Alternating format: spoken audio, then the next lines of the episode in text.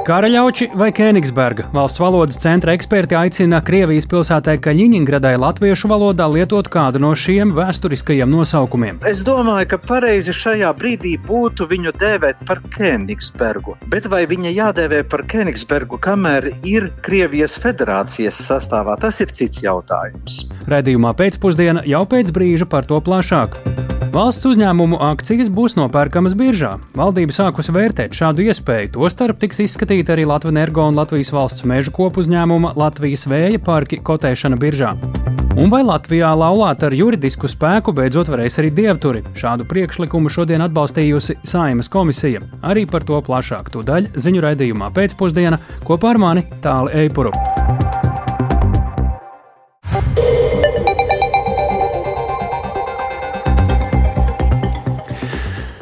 Pūkstens rāda 16,5 minūtes, skan pēcpusdienas ziņu programma, skaidrojot šodien svarīgus notikumus. Studijā Tālis Eipurs. Labdien! Valdībai līdz 1. jūlijam jāatrod 140 miljonu eiro veselības nozarei tik, vismaz tik lielu summu valdībai nolēmusi prasīt Veselības un sociālās aprūpas darbinieku arotbiedrība, lai nozara varētu veikt savas pamatfunkcijas. Par to jau parīt arotbiedrība kopā ar vairākām veselības nozares darbinieku un darba devēju, kā arī pacientu organizācijām runās ar ministru prezidentu Krišjānu Kāriņu. Arotbiedrības valde šodien pieņēma nostāju sarunām ar premjeru un paredz arī prasīt nākamā gada valsts budžetā papildus finansējumu veselības nozares pamatfunkcijām vismaz 310 miljonu eiro apmērā. Līdzīgas prasības iepriekš jau ir virzījušas citas veselības nozares organizācijas, bet, uh, lai skaidrotu šo nedaudz plašāk, pie mūsu klausulas veselības un sociālās aprūpas darbinieku arotbiedrības vadītājs Valdis Kēris. Labdien! Labdien! Kāpēc tieši šādas summas - 140 miljoni eiro šogad, 310 miljoni nākamgad, respektīvi, citiem vārdiem, kāda situācija būs bez to piešķiršanas un kas tiktu panākts, ja šādas summas mēs atrastu savā budžetā? Uh, šī nostāja ir uh, balstīta uh, sabiedrības veselības pamatnostādnēs 2021. un 2027. gadam. Uh, Un attiecīgā veselības eh, ministrijas sagatavotā ziņojumā Saimnes sociālo un darba lietu komisijai, ja nebūs attiecīgo līdzekļu, kas eh, starp citu ir eh, vēl arī uzskatāmi par nu, tādu politisku kompromisu piedāvājumu valdībai, jo reālās summas ir lielākas. Ja nebūs šo līdzekļu, tad diemžēl Latvija turpinās zaudēt tūkstošiem cilvēku katru gadu, kuru dzīvības varētu glābt, ja finansējums būtu adekvāts. Un kas tiktu nodrošināts, ja šo finansējumu piešķir, tas būtu tāds iztiks minimums, es saprotu. Ja? Uh, nu, tas būtu vismaz tāds līmenis, kas ļautu nodrošināt uh, kaut cik pieņemamā līmenī veselības aprūpes pieejamību un kvalitāti saulaicīgi un par saprātīgām uh, cenām. Tieši tā, jā. Kāds būtu aptuvenais sadalījums, uh, kam šie jūsu prasītie miljoni pienāktos, jūsuprāt? Uh, tas ir uh, nākamā soļa jautājums. Jo tikmēr, kamēr nav garantijas. No kaut kā taču uh, šādam aprēķinam ir jābūt. Epurkungs, protams, protams, jau pieminētajā ministra kabineta rīkojumā par pamatnostādnēm uh, galvenie parametri par šo ir iekļauti. Bet tikmēr, kamēr mēs cīnāmies par pamatvērtībām, proti, būs šie līdzekļi vai nebūs, uh, nav jēgas runāt par sīkāku sadalījumu, bet nav arī pamata teikt, ka nozara tikai prasa naudu nesakot, kur to ieguldīt. Šis ministra kabineta rīkojums par pamatnostādnēm, kas tika apstiprināts starp citu pirms gada, iepriekšējā Kariņa kunga vadītajā valdībā. Ir apmēram uz simt lapusēm, un tur ir ļoti detalizēti un izvērsti šīs lietas aprakstītas. Kāda būs mediķa organizācija pieeja sarunās ar premjeru, jo, ja reiz sarunas, tur jābūt arī variantiem vai kompromisiem vai bez kompromisiem? Uh, jā, jums uh, taisnība, un uh, līdz galam, protams, es uz šo jautājumu konkrētajā brīdī vēl atbildēt nevaru. Tādēļ, ka mums pat labam ir tikai mūsu arotbiedrības valdes lēmums, pārējās organizācijas, protams, lems katra pati par sevi, un tad to saliksim kopā. Taču mums ir labs piemērs. Ja mēs runājam par finansējumu palielinājumu aizsardzības nozarē, tur ir uh, ļoti skaidri valdība un sēma viss nolēmusi. Katru gadu tāds un tāds palielinājums bez kaut kādām atrunām par budžeta iespējām un tam līdzīgām politiskām mežģīnēm. Mēs to pašu sagaidām attiecībā uz veselības aprūpi. Ja, ja, ja tas neīstenotos, tad viņam droši vien ir jāiet mājās. Ko tas nozīmētu jūsu rīcībā, ja premjerministrs to nevar nodrošināt? Mēs redzējām pedagoģu piemēru. Redziet, mēs nevaram aizvērt slimnīcas un neatliekamās medicīniskās palīdzības. Ko jūs varat? Tāpat kā var aizvērt skolas. Mēs varam saulēcīgi informēt sabiedrību par draudošajām briesmām, un izteikt savu attieksmi par to, vai ministra prezidents spēj tikt galā ar situāciju, vai arī nē. Paldies par sarunu. To mēs sakām Valdim Kerim, veselības Paldies. un sociālās aprūpas darbinieku arotbiedrības vadītājiem. Mēs turpinām raidījumu ar citu Šodien valdībā jau apspriestu tematu valsts uzņēmumu iesaiste kapitāla tirgu, jeb to akciju kotēšanu fondu biržā iegūst ar vien reālāku virzību. Valdība šodien nolēmusi turpināt šādu finanšu ministrijas virzītu plānu. Tā, piemēram, kapitāla tirgus turpmākās attīstības kontekstā varētu izvērtēt arī Latvijas energo un Latvijas valsts mēžu kopuzņēmuma Latvijas vēja parki daļu tirgošanu biržā. Šodien nolemts, ka nozaru ministrijām un arī Rīgas pašvaldībai līdz augusta vidum ir jāsniedz savs izvērtējums šādam plānam plānam. Vairāk Jāņa Kīņš ierakstā. Tuvākajos gados vairāk valsts un pašvaldību uzņēmumu attīstībai nepieciešamo finansējumu varētu piesaistīt kapitāla tirgū, biržā piedāvājot savas akcijas vai obligācijas. Ar valdībā izskatītā ziņojuma virzību sākas tiesiskā ietvara izveide. Vienlaikus no valdība atbalstītā priekšlikuma izriet, ka tuvākajos gados varētu veidot atbalsta programmu mazo un vidējo uzņēmumu finansējumu piesaistē kapitāla tirgos, lai nodrošinātu atjaunīgās elektroenerģijas jaudu pieaugumu un Latvijas virzību uz enerģētikas neatkarības nodrošināšanu plānu ekonomikas ministrijai un zemkopības ministrijai, kas ir Latvijas energo un Latvijas valsts meža kapitāla daļu turētāji. Uzdots izvērtēt abu kompāniju kopuzņēmumu un Latvijas vēja parki iespējas piesaistīt finansējumu kapitāla tirgū. Konkrēts uzņēmums, kuri kapitāla daļas varētu kotēt biržā, valdības sēdē nosauca finanšu ministrs Arvils Ašerādens no jaunās vienotības. Ar Baltiku ir pieņemts lēmums par to, ka uh, viņš īsti nevar palikt kā valsts kapitāla sabiedrība. Viņai ir jāiet uz biržu un Connexus Baltica grīdas stratēģija Beļģijā ir pieņemts lēmums, ka tas tiks darīts. Valdībai, es domāju, ka ļoti nopietni ir jāvērtē telko sektora, LMT un TET uzņēmumu potenciālā būšana biržā. Tāpat mums nav nekāda ierobežojuma tam, lai mēs virzītu valstī un pašvaldībai daļēji piedarošo kapitāla sabiedrību Rīgas siltums vai kapitāla sabiedrībai tikai piedarošo sabiedrību Rīgas ūdens uz biržu. Mēs varam uzskatīt tālāk. Katrā ziņā mums ir jākļūst pamanāmiem uz globālās finanšu tirgu this. Vienlaikus uzņēmumi, kas nebūtu nododami kotēšanai biržā, ir Latvijas energo, Lidost Rīga, Latvijas pasts, Latvijas valsts meži, Latvijas dzelzceļš, Latvijas gaisa satiksme un Latvijas loto, uzskaitīja ministrs. Latvija pēc akciju tirdzniecības apgrozījuma būtiski atpaliek no kaimiņu valstīm. Pagājušajā gadā akciju tirgus apgrozījums Latvijā sasniedz 11,4 miljonus eiro, kas ir 1,8% no kopējā apgrozījuma Baltijas akciju tirgū.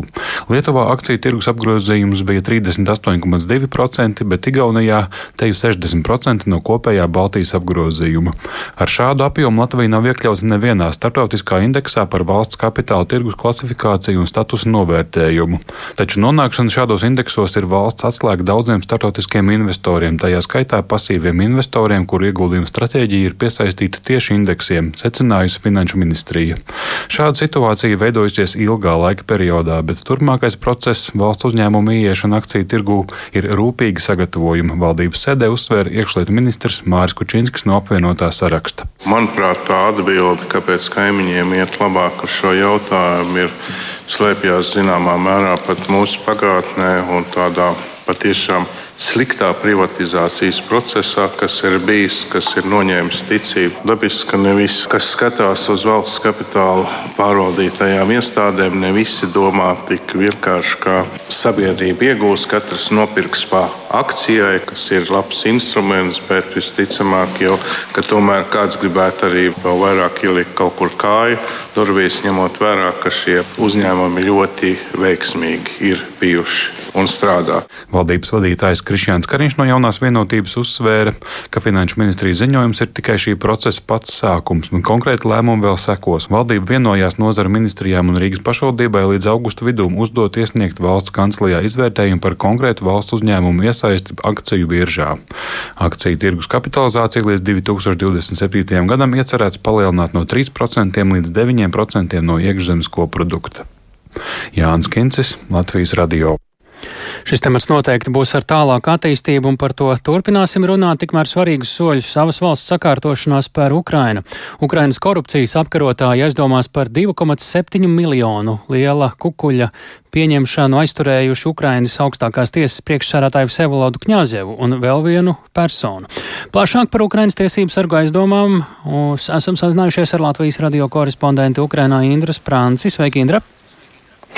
Labdien! Jā, šodien Ukrainas pretkorupcijas biroja jaunais vadītājs Semens Krivanos kopā ar pretkorupcijas prokuratūras vadītāju Aleksandru Klimenko organizēja kopīgu preses konferenci, kurā informēja par Ukrainas augstākās tiesas priekšsēdētāju un vēl vienu cilvēku aizturēšanas apstākļiem šo te kriminālu procesu.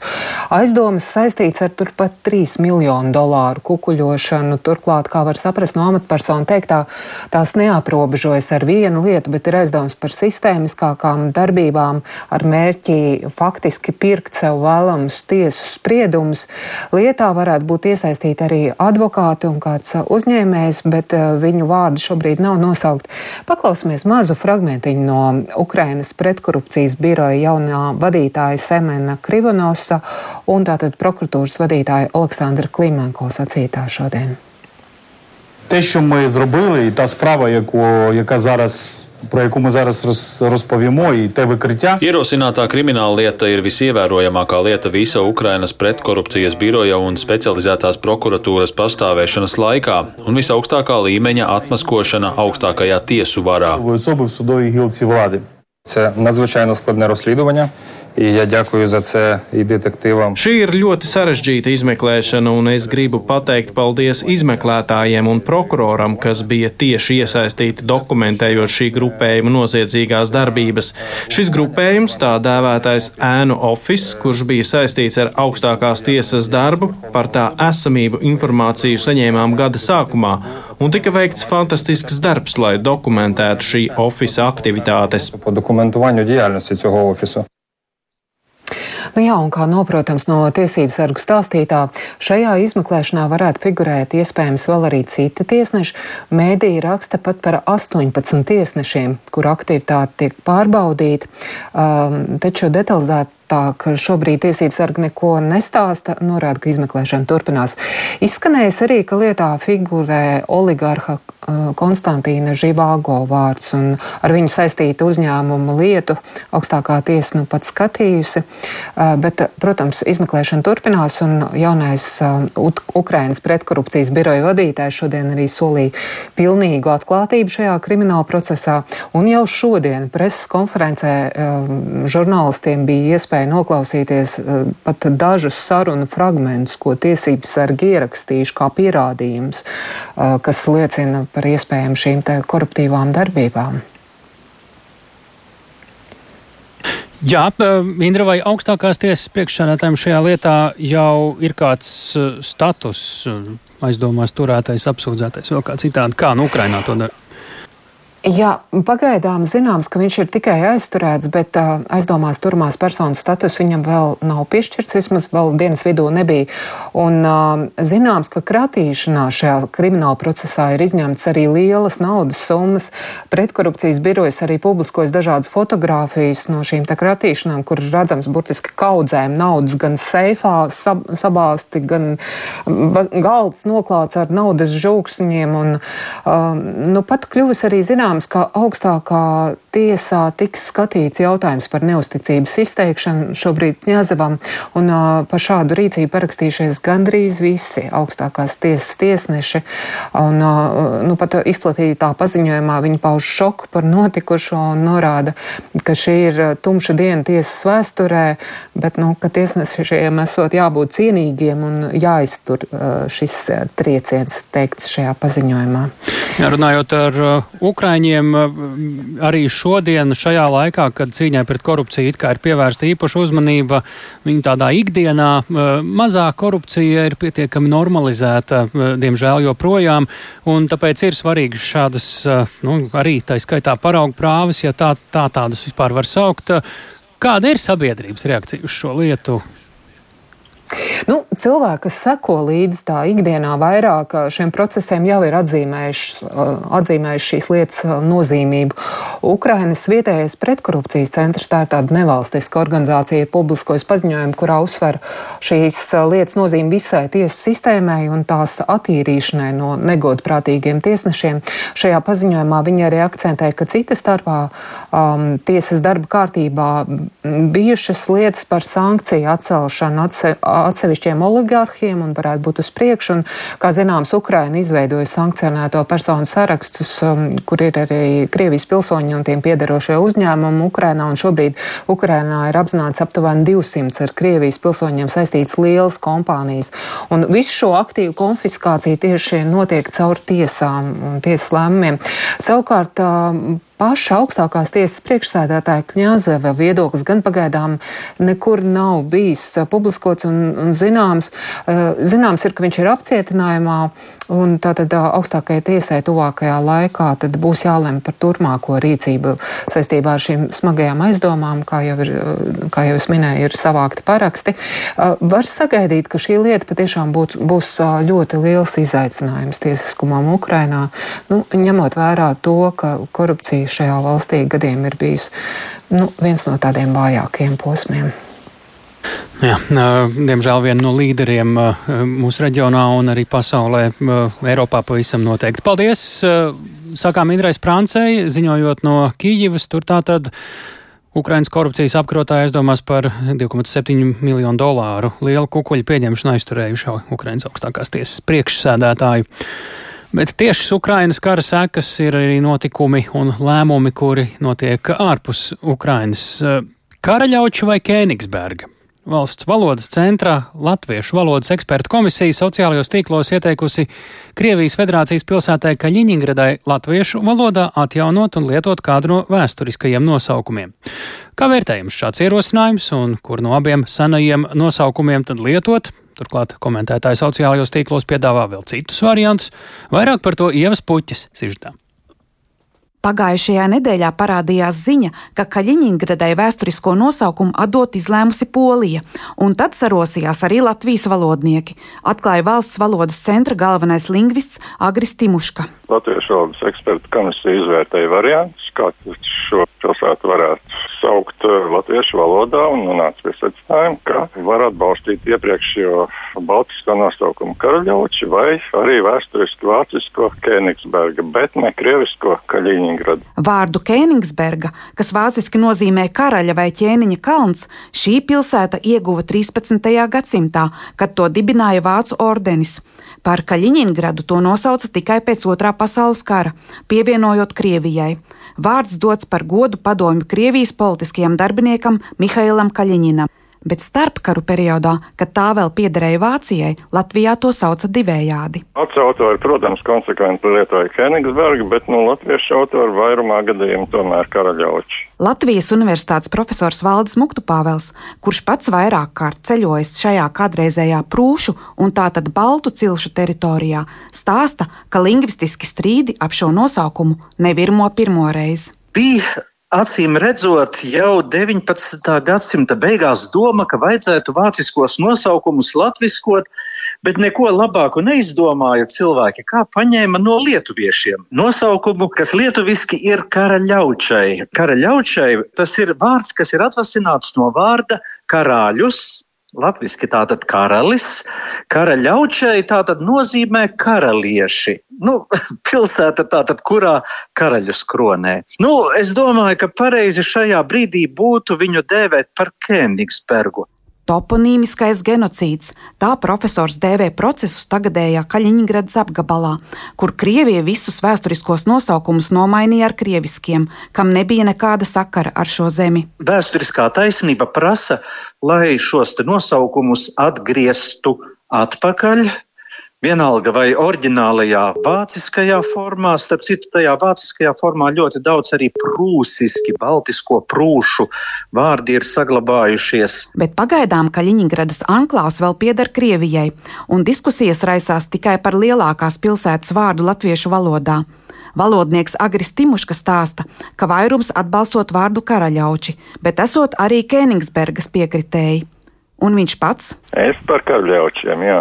Bet neizslēdzot arī šo otru variantu, jo, protams, runājot par vēsturi, nu, protams, piemēram, Imants Kants jau droši vien drīzāk apmeklēja Kēnigsbergas universitāti un nevis karļaučus. Lai gan ārlietu ministrs Edgars Nikēvičs vakar Twitterī ierakstīja, tātad karaļauči Latvijas Republikas ārlietu ministrija Latvijas radio šo jautājumu komentēt atturējās. Tikmēr folklorists Andris Mičulis Facebook platformā piedāvā kompromisu - atdot Kaļiņgradai senprūšu vārdu Kunigs Gārbe vai Tvāngste. Ieva Puķa, Latvijas radio. Centieni nomainīt Kaļiņgradas nosaukumu notiek arī Lietuvā. Pagājušajā nedēļā valsts lietuviešu valodas komisijā rosināja parlamenta konservatīvo frakciju. Interesanti, ka Lietuvas kartēs un ceļa zīmēs pilsētas nosaukums uz karaļaučiem tika nomainīts uh, vēl 90. gadu beigās, tomēr apgabala nosaukums joprojām ir vecais Kaļiņgrada. Lūk, kā to Latvijas radio komentē viens no iniciatīvas autoriem Lietuvas Seima deputāts Vīļus Semeška. Džiaugiuosi, kad mūsų Baltijos sesijas solidarizuojasi ir Latvija jungiasi prie. Es priecājos, ka mūsu Baltijas māsas solidarizējas un Latvija pievienojas šai Lietuvas, bet vēl agrāk Polijas iniciatīvai. Bez šaubām, ka Ļiņingrāda ir svešķermenis gan lietuviešu, gan domāju arī latviešu valodā. Jau sen Lietuvā tiek runāts par to, ka tā ir karaļauči un karaļauču novads. Un tas nosaukums Kaļiņingrada, kas ir nosaukts Krievu bolševiku un komunista Kaļiņingrada, Ļeņina vārdā ir pavisam nepieņemams, jo vairāk tāpēc, ka šis reģions Padomju Savienībai tika pēc otrā pasaules kara. Tagad ir īstais laiks publiski paziņot, ka mēs visos savos dokumentos izmantosim tikai nosaukumu karaļauči. Mēs domājam, ka uz mūsu iesniegumu mūsu lietuviešu valodas komisija noreaģēs pietiekami ātri. Jau šonadēļ mums kopā ar viņiem ir ieplānota diskusija, un cerams, ka rekomendācija vai lēmums no valodas komisijas tiks saņemts pieņemts tuvākajā laikā. Būs artimiausi metodi. Tiek prognozēts, ka Lietuvā Kaļiņgradas pilsētas un apgabala pārdēvēšana uz karaļauču nosaukumu kartēs un oficiālajos dokumentos ir vien dažu nedēļu jautājums. Kā jau pieminējām, arī Polijā, kam arī ir robeža ar līdzinējo Kaļiņgradu, pirms nedēļas atbildīgās iestādes ieteica šo Krievijas savulaik no Vācijas iegūto teritoriju turpmāk saukt par Kraleviecu, kas ir poļu versija vārdam Kēnigsbergam. Uz to jau asi paguvusi reaģēt šī brīža agresoru valsts Krievija. Polija tikmēr atgādina, ka pulkvedis Kaļiņins, kura vārdā nosaukt nosaukta pilsēta un reģions ap to bija viena no sešām padomju amatpersonām, kas 1940. gadā parakstīja nāvis spriedumu 21 tūkstotim poļu ieslodzīto Katiņā un citur, un pašam Kaļiņinam ar šo vietu nav nekāda sakara un nosaukums ir radies mākslīgi. Bet vai Latvijā laulāt ar juridisku spēku nākotnē varēs arī dievturi? Un arī par to, ka šodien sākas Kānu kinofestivāls redījuma pēcpusdiena turpmākajās minūtēs.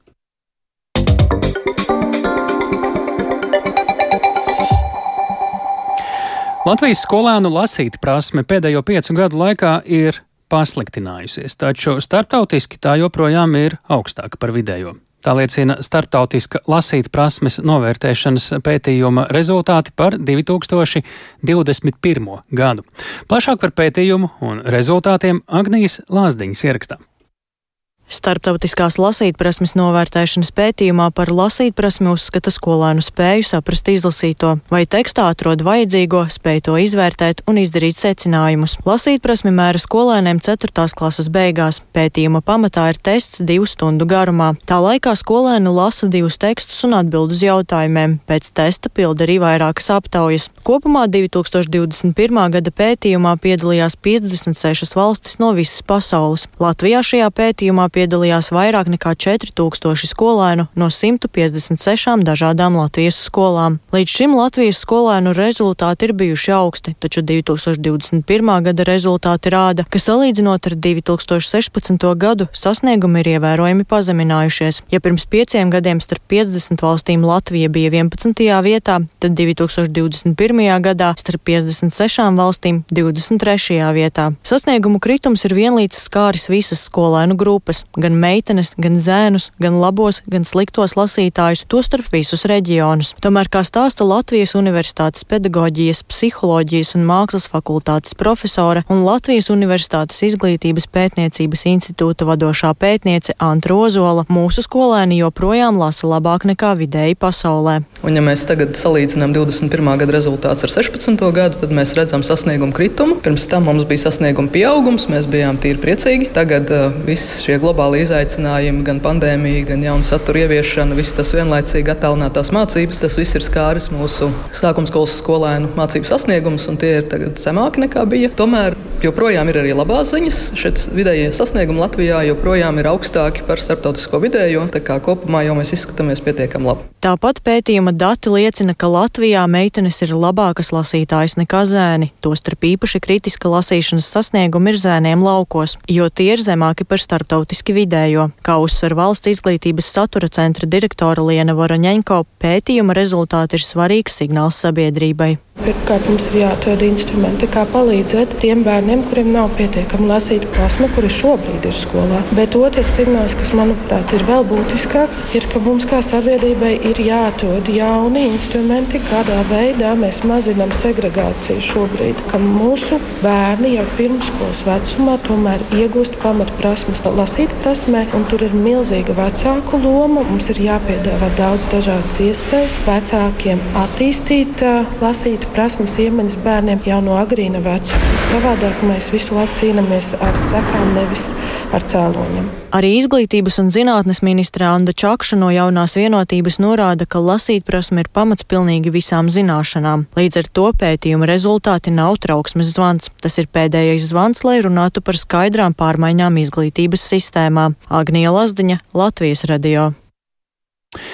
Latvijā laulāt ar juridisku spēku nākotnē varētu arī dievturi. Šādu deputāta Andreja Ceļpītera uh, no jaunās vienotības priekšlikumu atbalstījusi Saimas juridiskā komisija. Tas nozīmētu, ka līdz šim civil likumā luterāņiem, katoļiem, pareisticīgajiem vēsticībniekiem, metodistiem, baptistiem, septītās dienas adventistiem un mūsu ticīgiem jeb jūdaistiem paredzētās tiesības laulāt būtu arī dievturiem.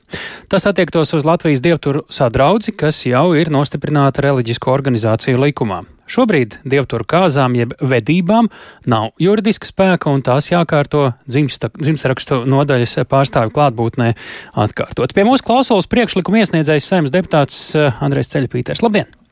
Jā, labdien! Kāpēc šis ir svarīgi, jūsuprāt, eh, ka Latvijā laulāt eh, ar likuma spēku varētu arī dievturi? Uh, nu jā, tas, tas, tas, tā ir iniciatīva, kas nav jauna.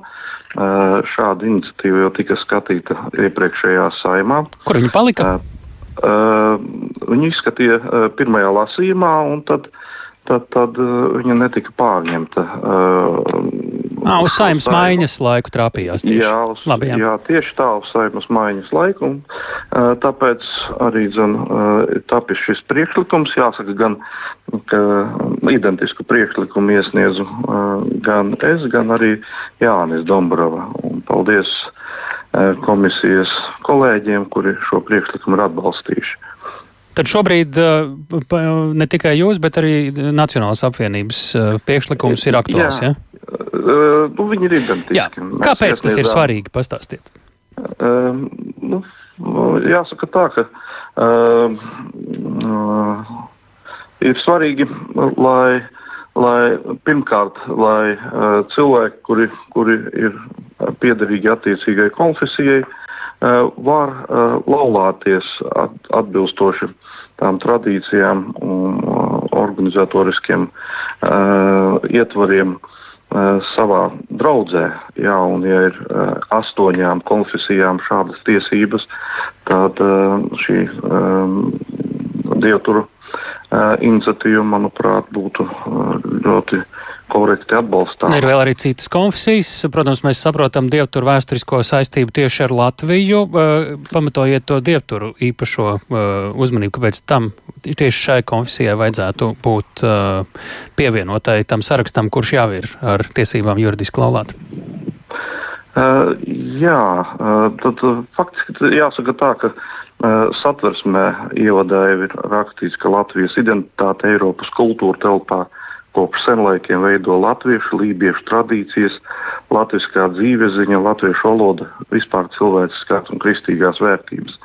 Uh, uh, latviskā dzīves uh, ziņa, uh, tradīcijas, uh, latviešu tautas tradīcijas, ko kopš uh, dievturi, nu, tā ir tieši tā sadaļa, ko viņi pārstāv. Un kristīgās vērtības arī citas konfesijas, kurām ir dotas tiesības laulāt jau pašlaik atbilstoši civil likuma 51. pantam.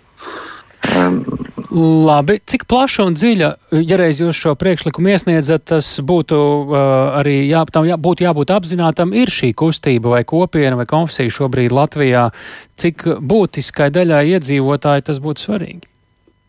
Uh, viņa nav plaša, viņa, viņa, viņa nav daudzskaitlīga, uh, bet es domāju, ka mums jārūpējas par uh, katru uh, iedzīvotāju uh, Latvijā. Un, un, uh, es domāju, ka tas, uh, tā, tā emocija, kas ir jaunaulātajiem, uh, nu, jā, jārada uh, maksimāli pozitīva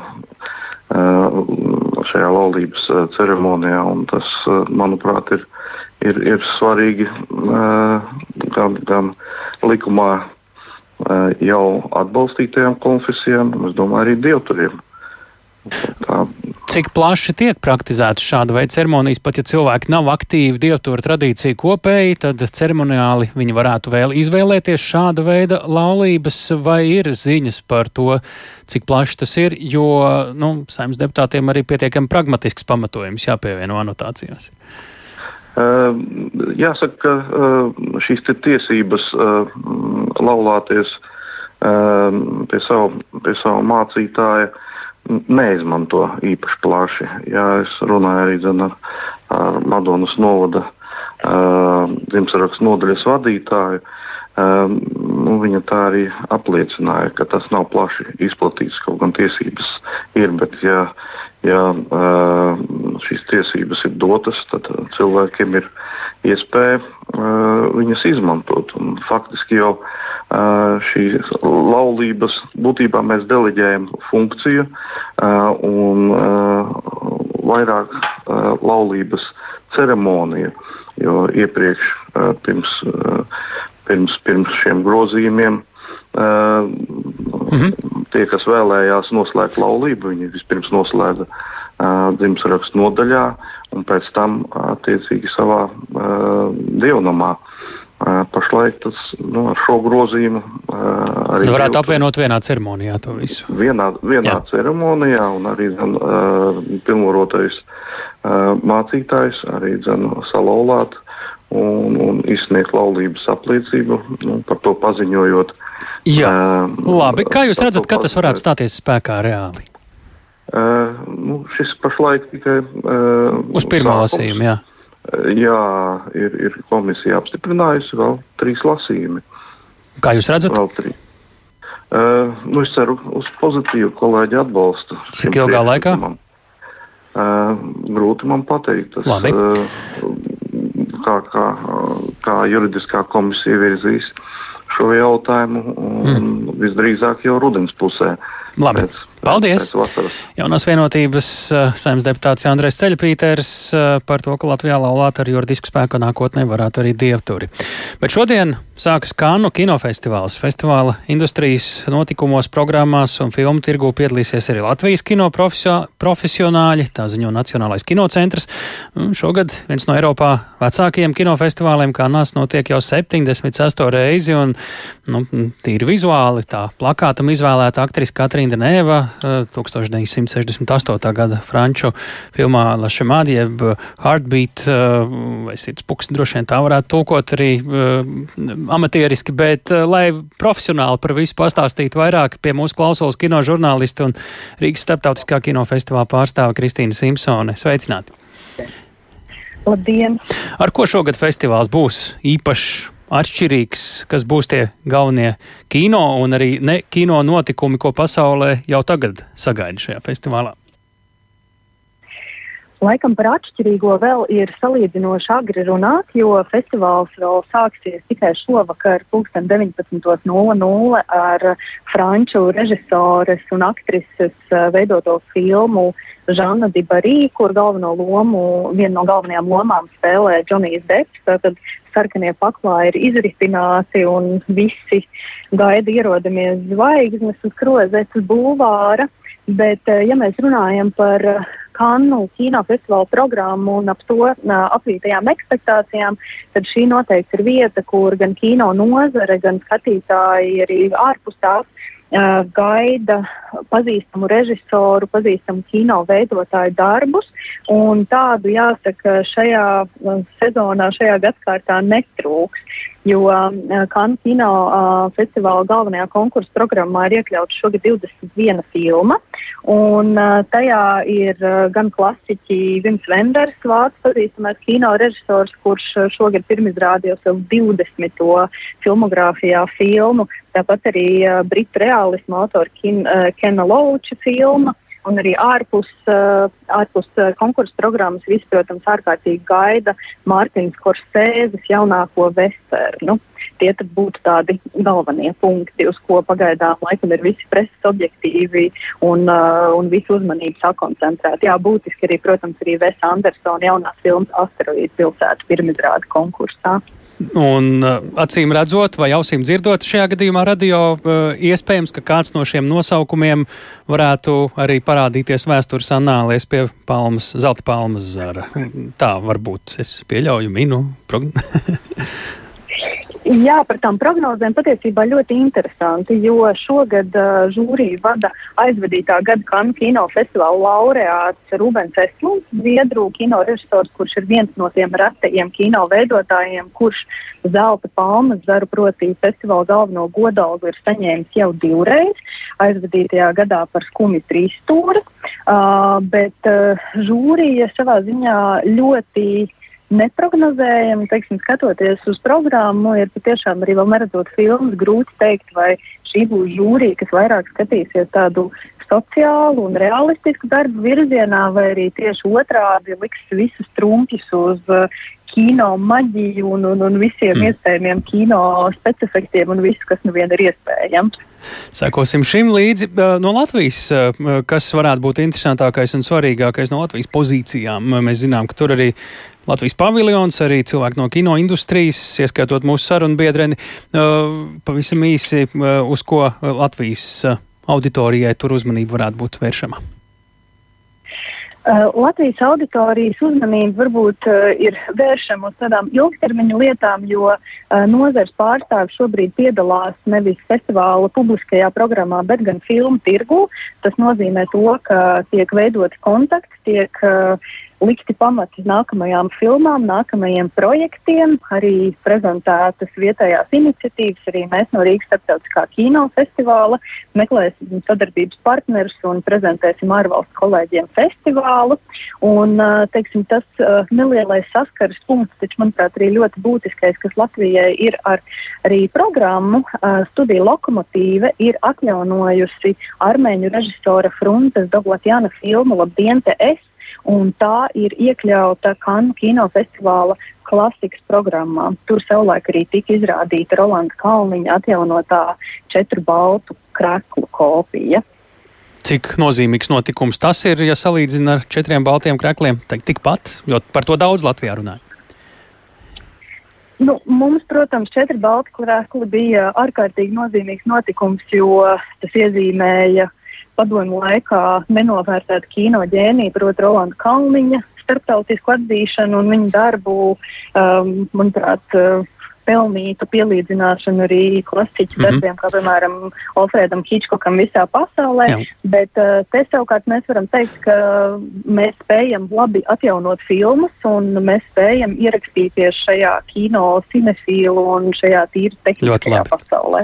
Lielas paldies Kristīnai Simpsonai, kino žurnālistei un Rīgas starptautiskā kinofestivāla pārstāvēji. Šis bija ziņu raidījums pēcpusdienā. To veidoja tāls ēpurs Ilza Aginta Rita Karnačā. Šo raidījumu pavisam noteikti Latvijas Latvijas radio mobilajā lietotnē varat vai nu klausīties, vai dalīties ar to tālāk jau citiem. Mēs tiekamies rīt pēc ziņām 4 un 5.